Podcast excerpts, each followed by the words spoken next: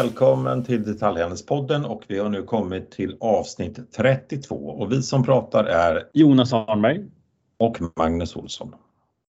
Och idag är vi i Ängelholm på Boost lager. Det är lite som att vara i framtiden. Det här är ju, eh, hur stort är det? Ja men totalt, just nu är det väl runt 66 000 kvadratmeter. Det är väl uppåt 80 000 nu när vi har fått sista längen här om någon annan. Ja men det är så stort så att eh, eh vi kommer in på det. Men det blir liksom en inom logistisk fråga att bara ta sig runt på lagret. Det är helt otroligt. Och, så, och flyger omkring robotar överallt. Vi ska prata om logistik, vi ska prata om e-handel såklart och eh, eh, vår gäst är Sandra Gadd som är CFO på Boost. Varmt välkommen! Tack så mycket! De flesta vet väl vad det är, men du kan väl ändå berätta om dig och Boost? Vi vill vara liksom en department store, ett varuhus men online. Så vår ambition är att bli Nordens största varuhus online eller inte online där, där man liksom kan tänka utifrån de här klassiska våningarna som finns på, på, ett, på ett, ett varuhus med, med kvinnomode och, och för män och, kvinnor och män och barn och sport och, och beauty och, och, home. Så liksom de här olika floors. Men, men till skillnad då från, från fysiska spelare så har vi ju oändligt med hyllplats och det gör ju, det gör ju, liksom, det gör ju möjligheterna väldigt stora. Eh, och, och, jag är då en eh, 38-årig eh, skåning som, som har varit, blivit fast i Skåne. Eh, jag har finansbakgrund, varit i, i konsultbranschen, varit revisor, hamnade på Boost ett år innan vi skulle börsnoteras och jobbade då med, med börsnoteringen. Eh, och under den här tiden jag gjorde med det och när man kommer från konsultbranschen tänker man att, eller jag tänkte då att ja, men jag en börsnotering är det coolaste som finns och det var liksom lite det som attraherade mig. Men tiden jag jobbade med det så insåg jag att ja, men det här man jobbar med retail med varje dag är, är, är liksom en ny match och, och, där, och en, en bransch som är ständig i, i förändring är superroligt. Så jag blev liksom totalt kär i, i branschen och i bolaget med de här fantastiska människorna vi jobbar med och sen har jag haft lite olika roller och, och sen två och ett halvt år ungefär så har, är jag, är jag där. Och det är galet att det här har gått på sju år. För ja. ni är ju, du kanske inte får säga vad ni omsätter, men efter H&M är det typ ni. Eh, nej men där är väl några med. Zalando är, är ju störst i Norden men, men vi, omfa, eh, vi omsatte ju då liksom 5,8 miljarder förra året. I Norden? I Norden. Ja det är imponerande. Sandra, eh, vi behöver alltid börja de här poddarna med att diskutera det som händer i Ukraina. Det är ju obeskrivliga nyheter som kommer hela tiden. Hur påverkar det er? Ja, men vi, vi säljer ju inte i varken Ukraina eller Ryssland och vi, vi, har inte personal där heller. Men det är klart att vi är inte oberörda och på något sätt. Alltså det, det här påverkar ju alla och liksom många. Vi, vi är ju runt 40 nationaliteter på, på vårt kontor. Så vi har ukrainare och vi har ryssar och vi har folk från eh, Polen och liksom folk runt omkring. Så att, så att vår personal är, är liksom väldigt eh, engagerad och det är ju också det är ju de samtalen man också måste ha. Liksom ryssarna och ukrainarna hos oss. Det, det är ju inte att ryssarna är onda och alltså, det här är ju fantastiska människor och de är vänner med alla. Så, att, så att det är liksom på den nivån vi har pratat. Men sen, sen för ett tag sedan så köpte vi en ut, ett utvecklingsbolag som har jobbat med oss, alltså plattformsmänniskor som har jobbat med oss i tio år, som ligger i Litauen i Vilnius och vi, vi har en del anställda där också. Så Vilnius är, och vi har rätt många litauer, liksom förutom nord, folk från Norden så är litauer nog den, den, liksom, den, den nationaliteten vi har mest av hos oss. Så de är liksom väldigt engagerade i, i vår verksamhet och vi har insett att ämen, i Litauen är ju detta en reell rädsla och, och liksom precis när det här bröt ut så, så har vi pratat med våra anställda och de vill i princip veta, okej, okay, men om de kommer hit, och då, så då är det ju på en annan, annan grad såklart, i och med att det är ett NATO-land och, och EU-land och så. Men, men hur kan vi, kan vi transferera och så? Så, att, så att vi, vi har ju liksom en plan för våra anställda både i Litauen och vi har en del i Polen också som om, någon, om det skulle eskalera så att vi kan ta hit dem så att de kan jobba härifrån. Men, men hur, hur, hanterar man det som arbetsgivare? För du, du, nämnde att ni har många olika nationaliteter, ni har både ryssar, ni har ukrainare och alla möjliga andra. Liksom hur, hur finns det en, en faciliterad diskussion omkring det här eller, eller hur, hur, hur gör man?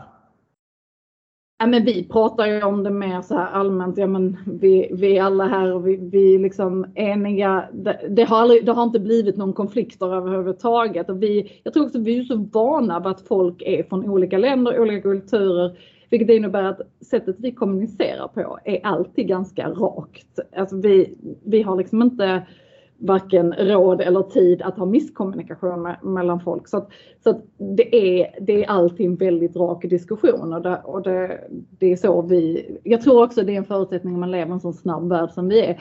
Så att för oss, det är liksom inga konstigheter. Det är inget, det är inget vi behöver trippa på tå kring. Det, det bara sker naturligt. Men men jag tycker att det visar, alltså vi är väldigt glada över vår organisation i en tidpunkt som den här för man märker, ja men alla känner någon i den eh, regionen och en av dem som kanske hjälpt till, vi, nu, nu är det, vi, vi skickar ner lite grejer och, och har liksom, jobbar lokalt med en, med en polsk eh, NGO som, som, som, där de tar emot väldigt mycket flyktingar. Och det är initierat av en av våra, våra medarbetare som är polska och liksom kan de där.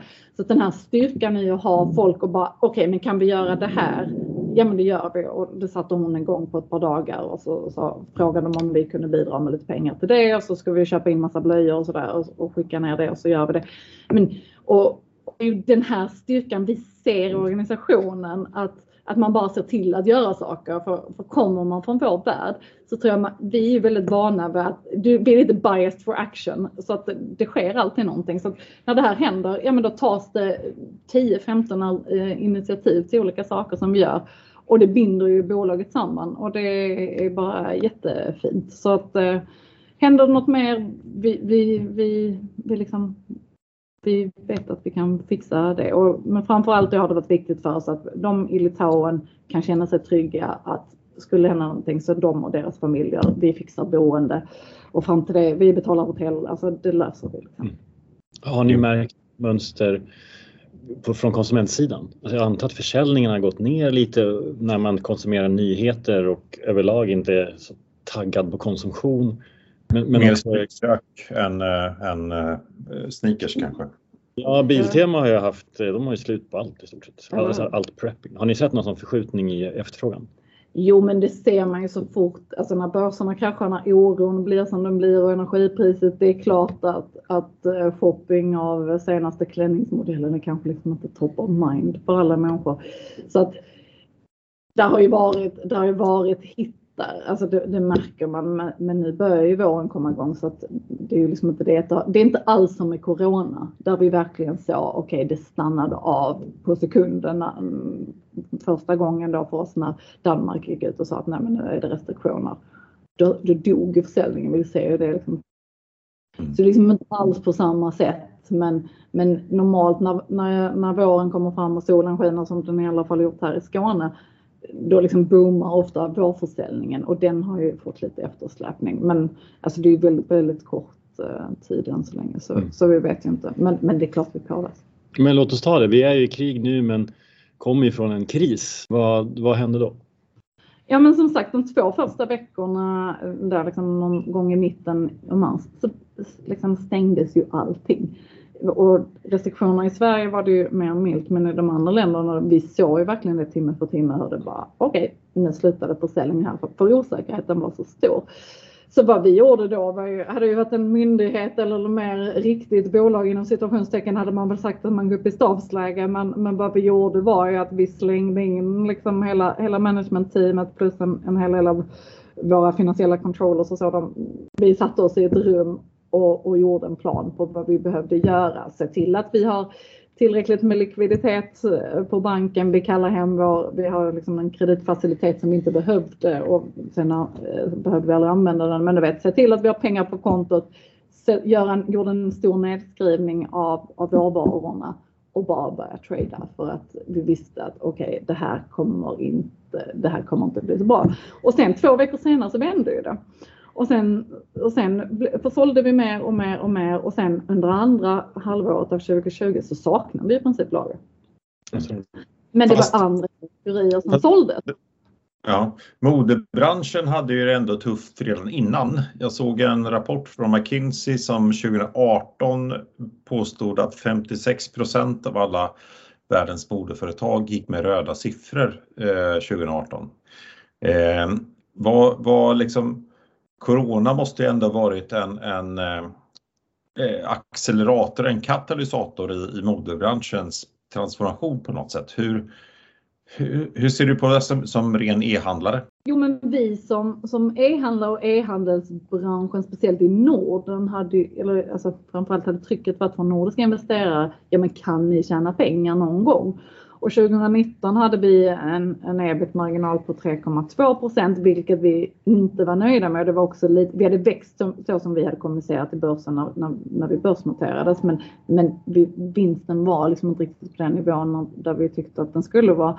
Så vi hade ju liksom, det var ju bara tur i tajmingen. Vi har lagt ganska mycket tid under andra halvan av 2019 för att se, ja men vi har nått en viss skala när vi borde ha en bättre lönsamhet. Vad är det som driver det? Och det det, det föll tillbaka på här där vi sitter nu, liksom vår, vår hantering i, i, i lagerhantering och hur vi hanterade returer och, och liksom där. Så, så, vi hade gjort rätt stort uppröjningsarbete och effektivisera.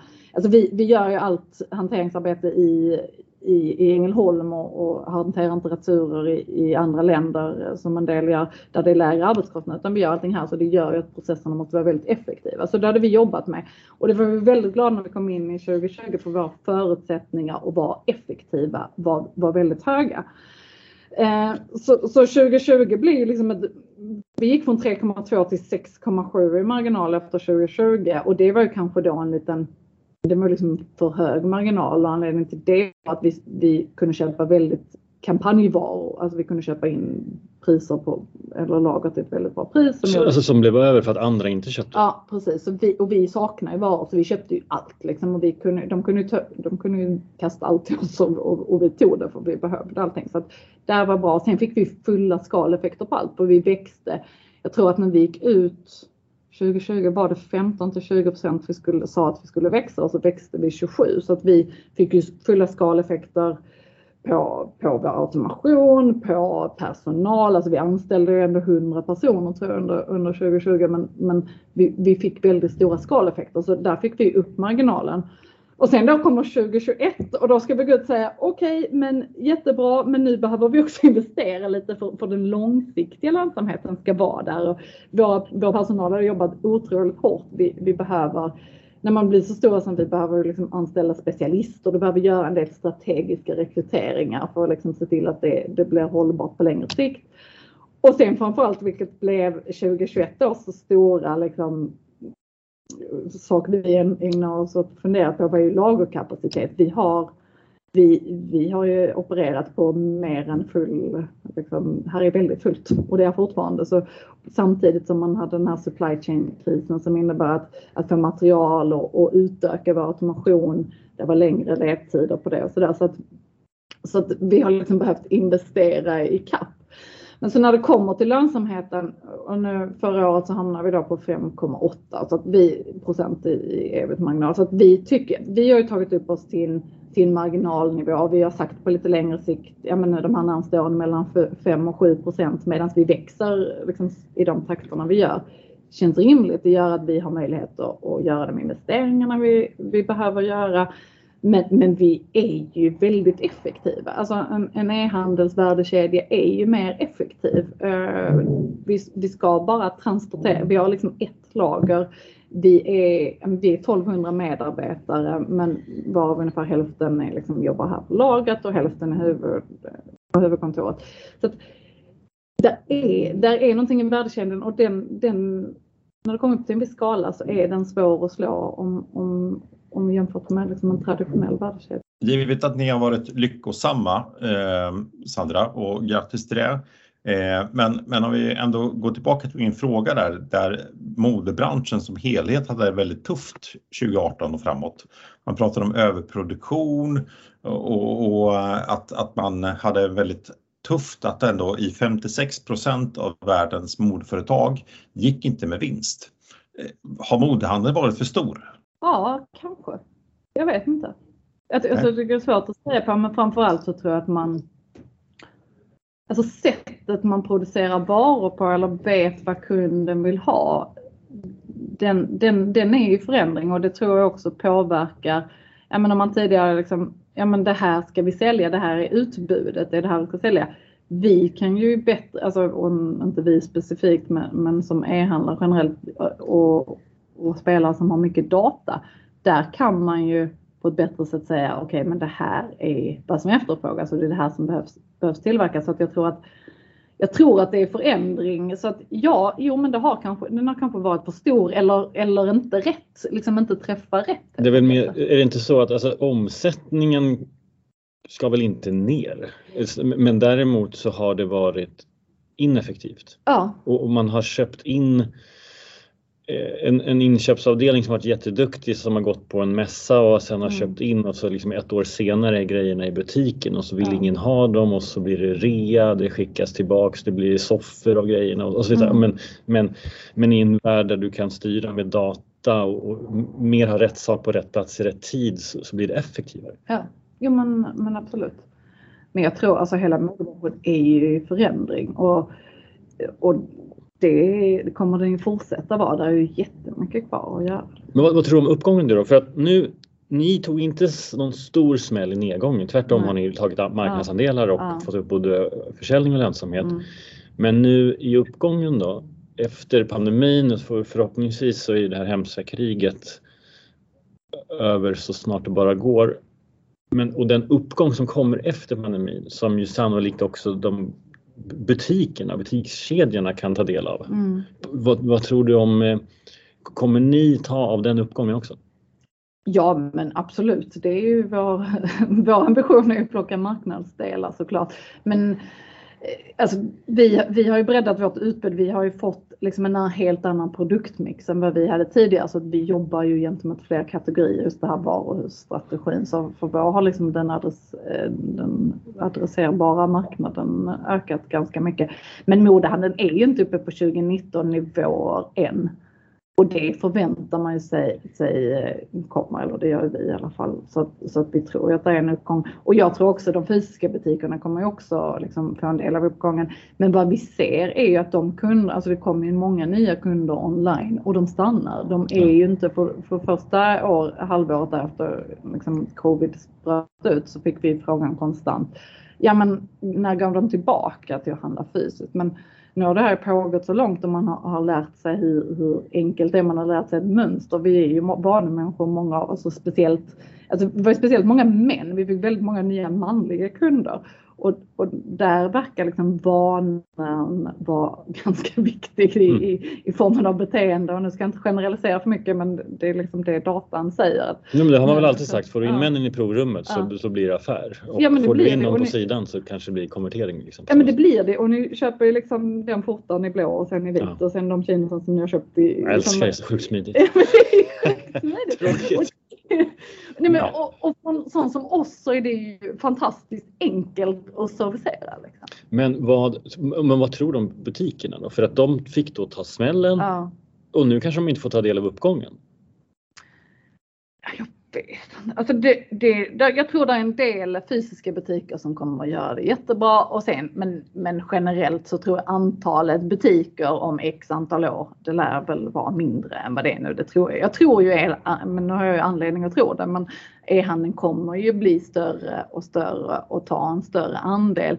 Men för specialnischer så tror jag där är, där är liksom den fysiska handeln kommer inte försvinna men den kommer spela en annan roll och de flesta stora kedjor med väldigt många butiker de kommer att dra ner på dem. Och det, det är väl också det man ser alltså de, i de flesta strategier, liksom de klassiska kedjorna, det, det, är ju deras strategi att dra ner på antalet butiker. Ja, men vi ser också att kedjor vaknar till som Servera som ja. ju har de tar en stor del av e-handelstillväxten nu mm. efter att ha adderat lika många produkter som krävs för att ta fighten med eh, ja, vad det nu är, Royal Design och sådär. Mm. Vi hade eh, Apotek Hjärtat i, i podden här om veckan och eh, som konstaterar att de växer också sortimentet och blir då väldigt relevanta i att finnas både fysiskt och digitalt. Mm. Finns det ingenting där som du liksom som du tror på? Jo, men alltså jag tror att det där är, alltså får de in rätt tankesätt så är det klart man kan ställa om. Men det, det handlar ju om att inte sitta i för mycket i sina legacy-grejer. Det mm. är, du tänker e-handelslogistik är ju något helt annat från, från den historiska. Vi är ju också svindåliga på att driva fysiska butiker så att det, det är liksom inte att vi är mer intellektuella än någon annan. Men, men det är ju en helt annan logistik bakom och, och vad, vad har du Sitter du på liksom en viss typ av lager, det är ganska svårt och ställa om det till ett e-handelslager och hur gör du både och? För oss, vi har liksom ett sätt att driva det på och det gör att vi kan vara väldigt effektiva på det. Men om du fortsätter ska, ska liksom driva en grossist mot dina, mot dina fysiska butiker och e-handelslager separat, det skapar ju ökad komplexitet och, och jag tror att det som är fördelen för, för pure players som liksom börjat som oss lite, lite senare och inte har det, det är ju att ja, men vi har ju inte den legacyn nu. Det kanske vi har om tio år när det kommer in någon ny som, som tänker ännu mer kreativt. Men, men vi, kan ju, vi, kan ju, vi kan ju bygga det väldigt effektivt utifrån de flödena vi har. Det, ju, det ska ju vara så lite, det ska ju vara så okomplext som möjligt. Mm. mm. Eh, Sandra, du är ju CFO. Eh, det betyder att du säkert har jobbat med de fyra räknesätten rätt länge.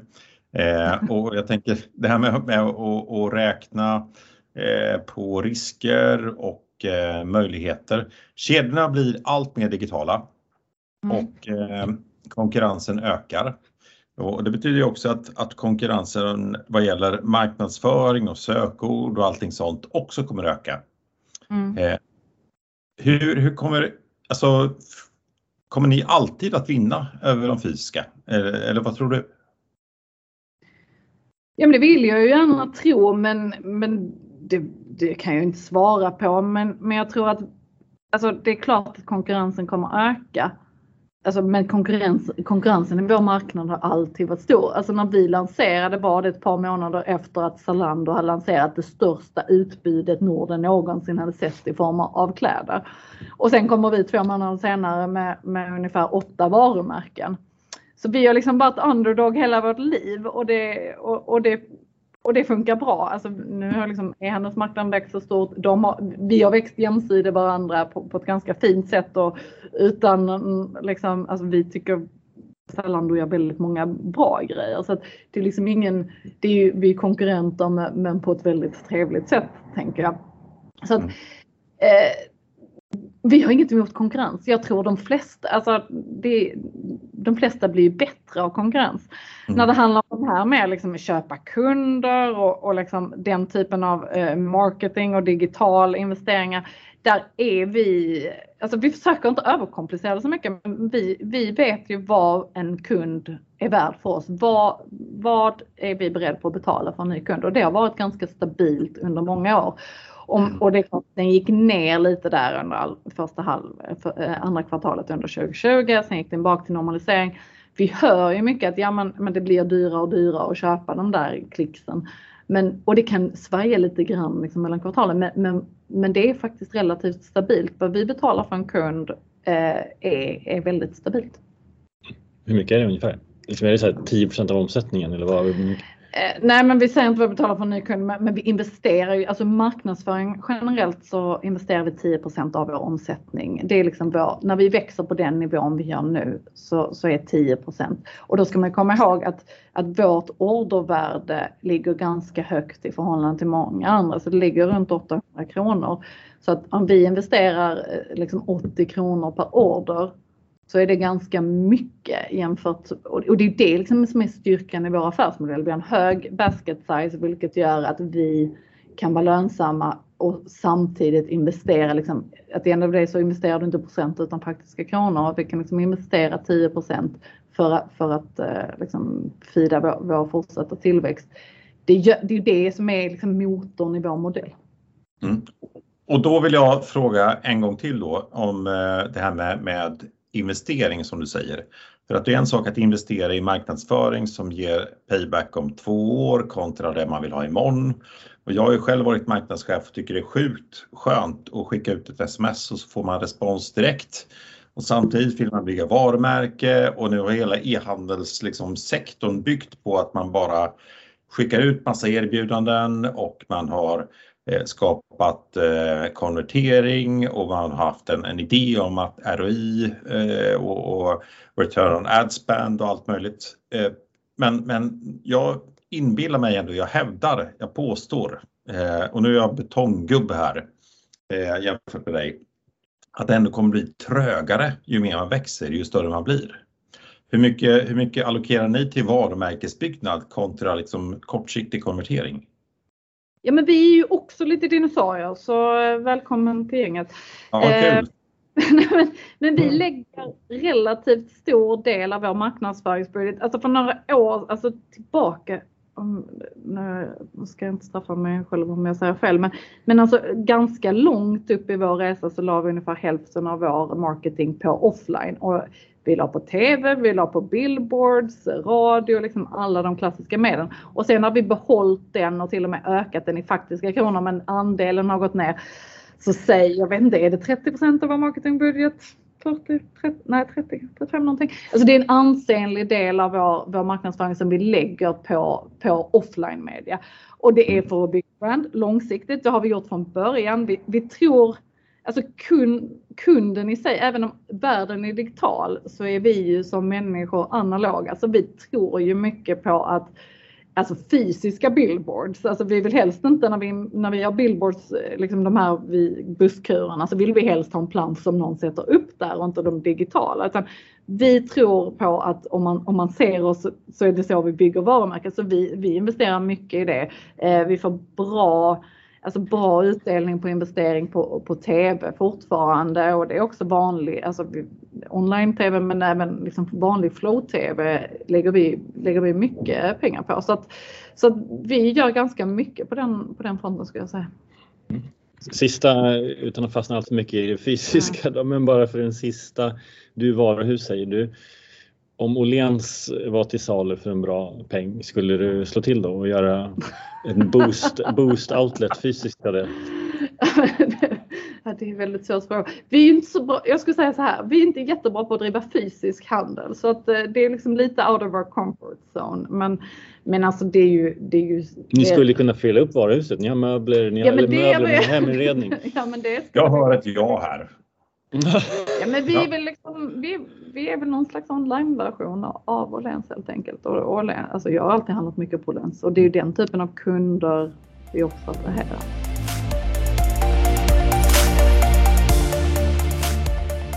Du, ni, är, ni är ju på börsen. Mm.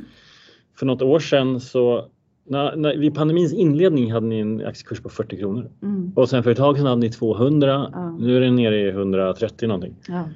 Men, men vilken otrolig utveckling det har varit ändå. Beskriv hur det är att vara på börsen. Ja men det är, ja, men, mm, jag har liksom ingen vidare erfarenhet från, från att vara CFO på något obörsnoterat. Alltså jag har bara levt, jag har växt upp i den här miljön. Liksom. Eh, så jag vet inte hur det är annars. Men, men för oss funkar det väldigt bra. Men det handlar ju mycket om kommunikation och det där är ju någonting som vi har fått jobba med liksom, som ett ungt börsbolag ganska mycket.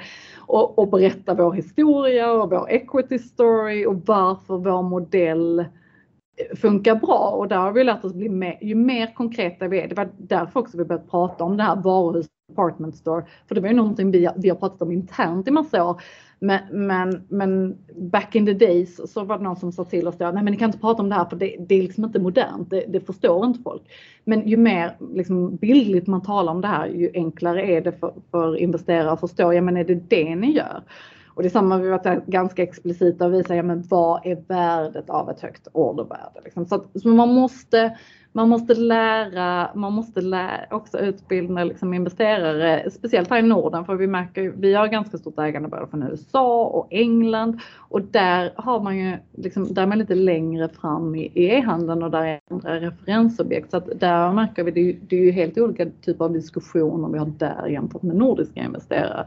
Men jag tycker att liksom de nordiska investerarcommunityt har har, har verkligen eh, mognat under de senaste fem åren. Där är ju fler och fler, där är ju fler och fler e-handlare på börsen som gör att, att man kan göra lite mer analyser också som analytiker och jämföra och olika saker. Så att, alltså vi, vi trivs bra på börsen och vi, vi gjorde ju en dubbelnotering här under 2020 i, i Köpenhamn också så nu är vi både i Stockholm och Köpenhamn. och syftet med det var egentligen att på sikt har vi någon slags eh, ambition om att bli, det låter lite naivt så här, men liksom lite folkaktigt, att vi vill ju att våra kunder också gärna ska se oss som, som liksom en, en möjlig investering. Så, och, och, vi är störst i Sverige och Danmark och, och det där, liksom vi har stora danska ägare också och har liksom fått lite hintar om att de gärna vill att vi skulle vara noterade där också. Så, att, så att för, oss, för, oss, eh, för oss funkar det jättebra.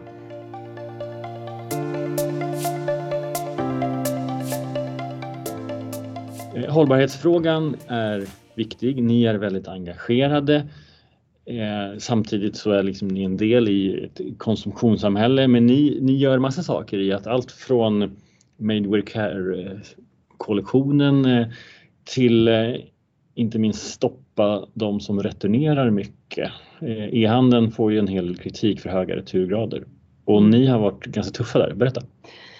Jo men det här, det här var i 2019 så vi har, alltså vi har ju massa smarta människor och vi har en, bland annat en statistiker.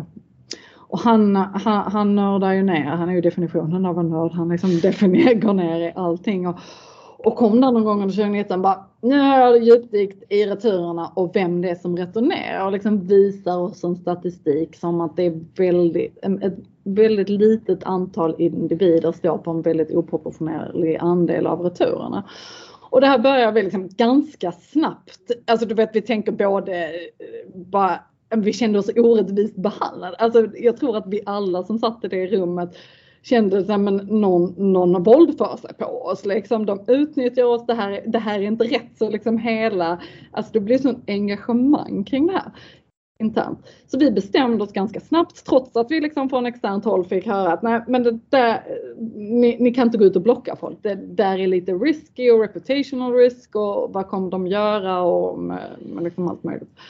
Men vi bestämde oss att nej, men vi är beredda att ta den här fighten och är det någon som tar oss till, till liksom och säger att nej men ni har gjort fel så är vi på väg och beredda på att pröva på det för vi tyckte inte att det var ett rimligt beteende. Så, så, vad vi har byggt är liksom en, en algoritm som, som, som liksom triggas av vissa varningssignaler och det är ju då en onormalt hög returgrad i kombination då med, ja men är, ofta är det väldigt stora order de här människorna gör. Så det här är liksom inte bara en som beställer två par skor och returnerar ett eller två par för den delen. Och att, och att man har gjort det under liksom, det är inte första köpet. Alla kan köpa någonting och det blir fel om man returnerar första gången och, och kanske också till och med andra gången. Men när man, men har kommit upp liksom, och gjort någonting tio gånger, ja men då är det kanske inte en slump. Liksom. Och en statistiker, eh, det är ju det som är bra med den typen av folk, det är liksom sannolikheten att, att, att, där är, att det är fel på varenda sak den här människan köper och har köpt under de senaste fem åren. Den sannolikheten är inte så hög. Så att vi tog liksom en väldigt liten andel. Jag tror de första sjoket var ja, 9000 kunder eller någonting sånt. Och då, och då skrev vi in i våra terms and conditions att vi har rätt att liksom, om man då bryter mot våra principer eh, liksom, så, så har vi rätt att, att put, eh, sätta dem på paus. Så det gjorde vi. Eh, och sen har vi fortsatt jobba med det. Vi har, vi har ett team som bara jobbar med liksom algoritmen, tar fram förslag och sen så har vi liksom en, en personlig kvalificerad analys på det så att alla tittar igenom och, och liksom gör en analys utifrån det. Och det här, har ju, det här slog tvärtom väldigt positivt. Så vi fick ju, när vi gick ut med detta eh, så fick vi väldigt mycket positiv feedback från andra kunder för att det påverkar, alltså det påverkar ganska många grejer. Dels så får vi väldigt mycket större returer. Vi har i 2021 jämfört med 2019 så har vi 9 procentenheter lägre returer än vad vi, vad vi hade liksom i 2019. Det, det är extremt mycket och en stor andel av detta denna minskning är hänförlig till att vi inför den här per use policyn som, som vi pratar om. Men, men, Sandra, då måste jag fråga, vad, vad, är det för människor som håller på så här? 9 procent er volym, det är ju helt sjukt.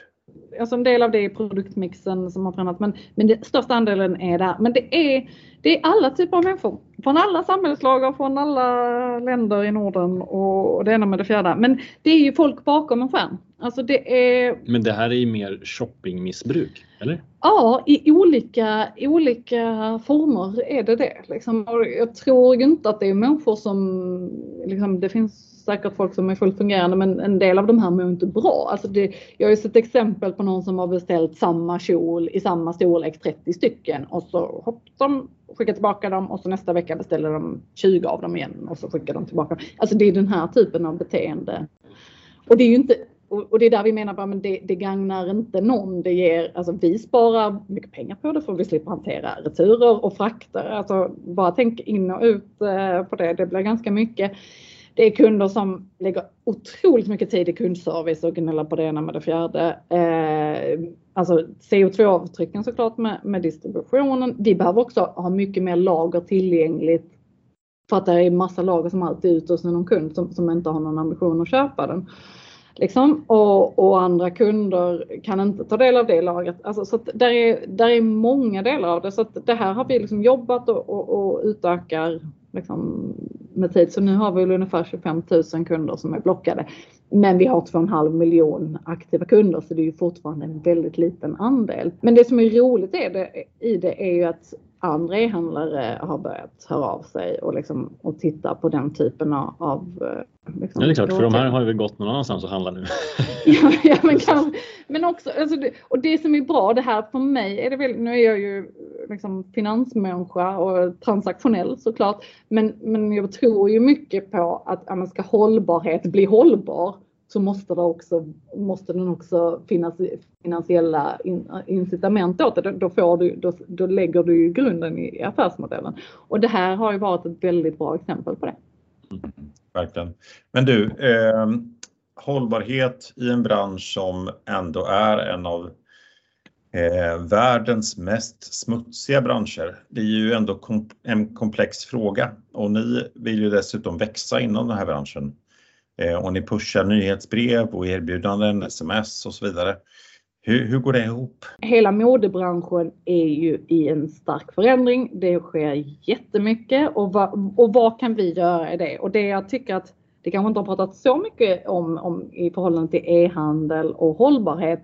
Det är ju vad e-handeln möjliggör i, i form av transparens kring, kring de varor du köper. Så att om du, om, om, om du ska köpa någonting och vill liksom det finns en del kunder som bara vill läsa vad är det för material och så vill jag ha den typen av bomull och jada jada. Det är ganska enkelt att lägga på sidan och, och där börjar ju branschen få bättre och bättre, liksom bra, alltså de, de kan förse oss med den informationen. Men, men det finns ju möjlighet att gå ännu djupare och det är där vi, alltså där får man ju jobba internationellt och man får jobba med, an, alltså där kan man ju inte vi göra någonting själva utan där jobbar vi med Sustainable Apparel Coalition som driver HIG-index och HIG-index är det som har utrönat liksom som, som branschstandard lite grann för, för märken i, i, i att dokumentera transparensen kring ja, men vad, vad är det? Social hållbarhet, vad har man för arbetsvillkor, vad är det för materialmix? Alltså de måste, de måste fylla i, alltså de måste fylla i oändligt mycket eh, material. Och så samlas det i ett HIG-index och nu jobbar ju då vi tillsammans med, med andra retailers också.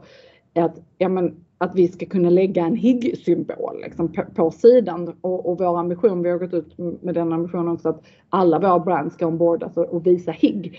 Och vad det innebär är att man liksom på hemsidan ska kunna liksom spåra sig ner. Ja, men vad är det för material? Vad är det för social hållbarhet? Vad är det för alltså alla de här olika parametrarna på ett sätt som är, som är hyfsat enkelt för en kund att förstå. Alltså det är väldigt komplext, men, men det behövs ju stora spelare som vi och som andra i världen och liksom enas kring ett sätt att visa det.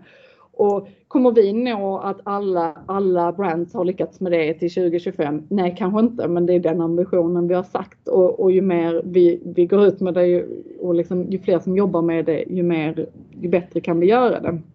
Och, och, kan vi hjälpa dem? Vad vi kan göra, vi har liksom 1200 brands, alla är inte i modebranschen, men en del är ju beauty och, och home och sådär. Vi får dem att lära varandra. Kan vi genom hur vi jobbar liksom med något brand sätta samman dem med någon annan som är i samma, samma, i liksom samma situation? Så vi kan ju jobba med information och transparens och inte heller Alltså vi har ju liksom också sagt bara, men vi kan inte bara sätta krav. Det är ett problem för att vi är en retailer och vi producerar egna, egna varor. Men vad vi kan göra det är ju investera både, både pengar och tid och, och vi har ju personer i vår hållbarhetsavdelning som inte gör annat. Men, liksom, hur kan vi göra det här på ett enkelt sätt? Så att vi, vi måste försöka vara ansvarsfulla så gott vi kan. Men, men, men vi säljer kläder och vi ska växa. Men än så länge så behöver folk ha kläder på sig. Men det du säger där, man skulle kunna definiera det som en plattform även om ni inte säger det själva, men mm. i viss mån. Eh, och i konkurrensen med Zalando och Amazon eh, skulle det, den här typen av aktiviteter som du säger, eh, och liksom, skulle det kunna vara ett sätt att profilera sig så att så den konsument som vill göra rätt för sig, vet att handlar jag från den här plattformen så är det allt från schyssta leveranser till att eh, leverantörerna som finns på den här hemsidan, de, de har producerat kläderna på ett transparent sätt. Och så. Jo men det är det ju absolut och sen tror jag att men, men det bästa möjliga nytta når vi om vi samarbetar. Alltså det är klart att vi vill gärna vara de som är bäst och liksom sådär. Men, men ska vi nå riktigt brett då måste vi samarbeta med varandra och det är ju kanske också då vi, vi, vi når mest nytta i samhället. Men, men det här är ju, alltså vi jobbar ju en del internt och men också med andra, med andra parter. Sandra, vi är ju här på, som jag antar är Sveriges största e-handelslager. Det är i alla fall enormt stort och eh, det är helautomatiserat. Det är robotar som eh, liksom flyger omkring på ett fascinerande sätt där några liksom väldigt försynt visar hänsyn till andra robotar som, eh, så att de inte krockar. Och det, eh, berätta, vi, vi vet att e-handel är väldigt mycket logistik men det här är extremt. Eh, ja, nej men jag vet faktiskt inte om det är störst eller inte. Jag, jag har aldrig hört det. Men däremot har vi ju världens största av den typen av anläggning som vi har. Alltså mycket bygger ju att mycket är automatiserat men vi har ju också runt 600 anställda här så att, så att det är ju lång väg att gå i att säga att det är helautomatiserat. Men, men vad vi har det är liksom lådor på hög 16 våningar och så är det robotar som kör ovanpå och sorterar de här lådorna och får ner dem till en packstation där det står någon och liksom lägger det i en påse. Men det är väldigt yteffektivt. Eh, vi kan få plats med väldigt mycket varor. Eh, det är också brandsäkerheten ganska hög här för det kommer inte in syre. Eh, och så är det ju liksom men hur de här robotarna tänker och sorterar, det där är liksom above my uh, intelligence level. Nej, grejerna ligger ju överallt. Vi har ju tittat, det finns ju inget system över att där ligger Adidas-skorna och där är Nej, det är liksom ju kaos. Men, men där är ju system med det där. De, de lyckas hitta rätt och snabbt alltså du får, du får grejerna snabbt. Alltså det gäller ju för oss att, vara effektiva eh, såklart. Men det är ändå så att det är så himla stort. Alltså om, om du som packare har fått en order som innehåller en strumpa, mm. eh, en par jeans och en tavla från home-delen mm. så kan ju de ligga flera hundra meter ifrån mm. varandra. Det måste ändå ta en stund. Alltså, blir det effektivt? Liksom? Ja men det blir det och, och, vi har utvecklat, alltså vi, vi har byggt de flesta av våra system vi använder själva och det är ju för att ja, men, vi har ju väldigt specifika syften hur, hur vi driver grejer så att vi har, vi har ett utvecklingsteam som har utvecklat också hur robotarna kör och, liksom det där systemet. Så att väntetiden är väldigt liten väldigt ofta. Sen, sen är det liksom inte konstant för ju större, jag menar större, de blir större och större. Vi bygger, vi bygger på nya moduler hela tiden. Så att du måste ju jobba väldigt mycket med, men, hur, i hur många bins har du de här jeansen som vi säljer x antal varje dag? Ja, men då måste ha mycket mer för nu säljer vi mycket Levi's och en, mm. en diesel. Och liksom. Så det är ju, alltså det där är sjukt avancerat och jättefascinerande. Jag tycker det här är superroligt. Sandra, får jag fråga, när, hur gick det till på ledningsgruppen när ni bestämde att ni skulle köra på det här systemet? För att det är en sak att, att man förstår att, att ens egen kompetens liksom har begränsningar. Jag förstår Eh, varje dag. Men när man väl ska trycka på knappen och säga vi ska investera x miljoner kronor i någonting som jag inte har en aning om hur det fungerar, men det verkar bra. Hur funkar det? Mm. Men det, var, det var före min tid så jag kan tyvärr inte ta åt mig någon ära kring det där. Men, men, vad man gjorde var ju att åka runt och titta på alla olika typer av system. Alltså det finns ju, alltså det finns ju jättemånga olika och Amazon har någon typ och, och Zalando har en typ. Och, och vi fastnar på Autostore. Autostore är ju liksom i, i Norden har det blivit ett väldigt liksom användbart alltså det är väldigt många e-handlare som har, har kommit dit, särskilt när man har den typen av produkter som vi har. Eh, så att på ett sätt så Alltså vi gjorde ju ett välavvägt beslut men vi, har, vi är ju väldigt glada. Alltså det, kan, det skulle ju kunna bli fel men, men vi hade, jag fick en fråga för ett tag sedan av någon investerare, hade ni gjort samma beslut i år? om ni hade tagit det nu och det tror jag att vi hade gjort. För vi, vi, vi kan liksom, det är väldigt effektivt för just så som vi gör det. Sen har vi byggt upp processerna kring det. Men vad som däremot händer är att när vi växer så behöver vi kanske mer kompletterande system så att vid någon tidpunkt och det har hittills inte varit ekonomiskt försvarbart för oss. Men så behöver vi kanske någon automatiseringslösning för hängande grejer.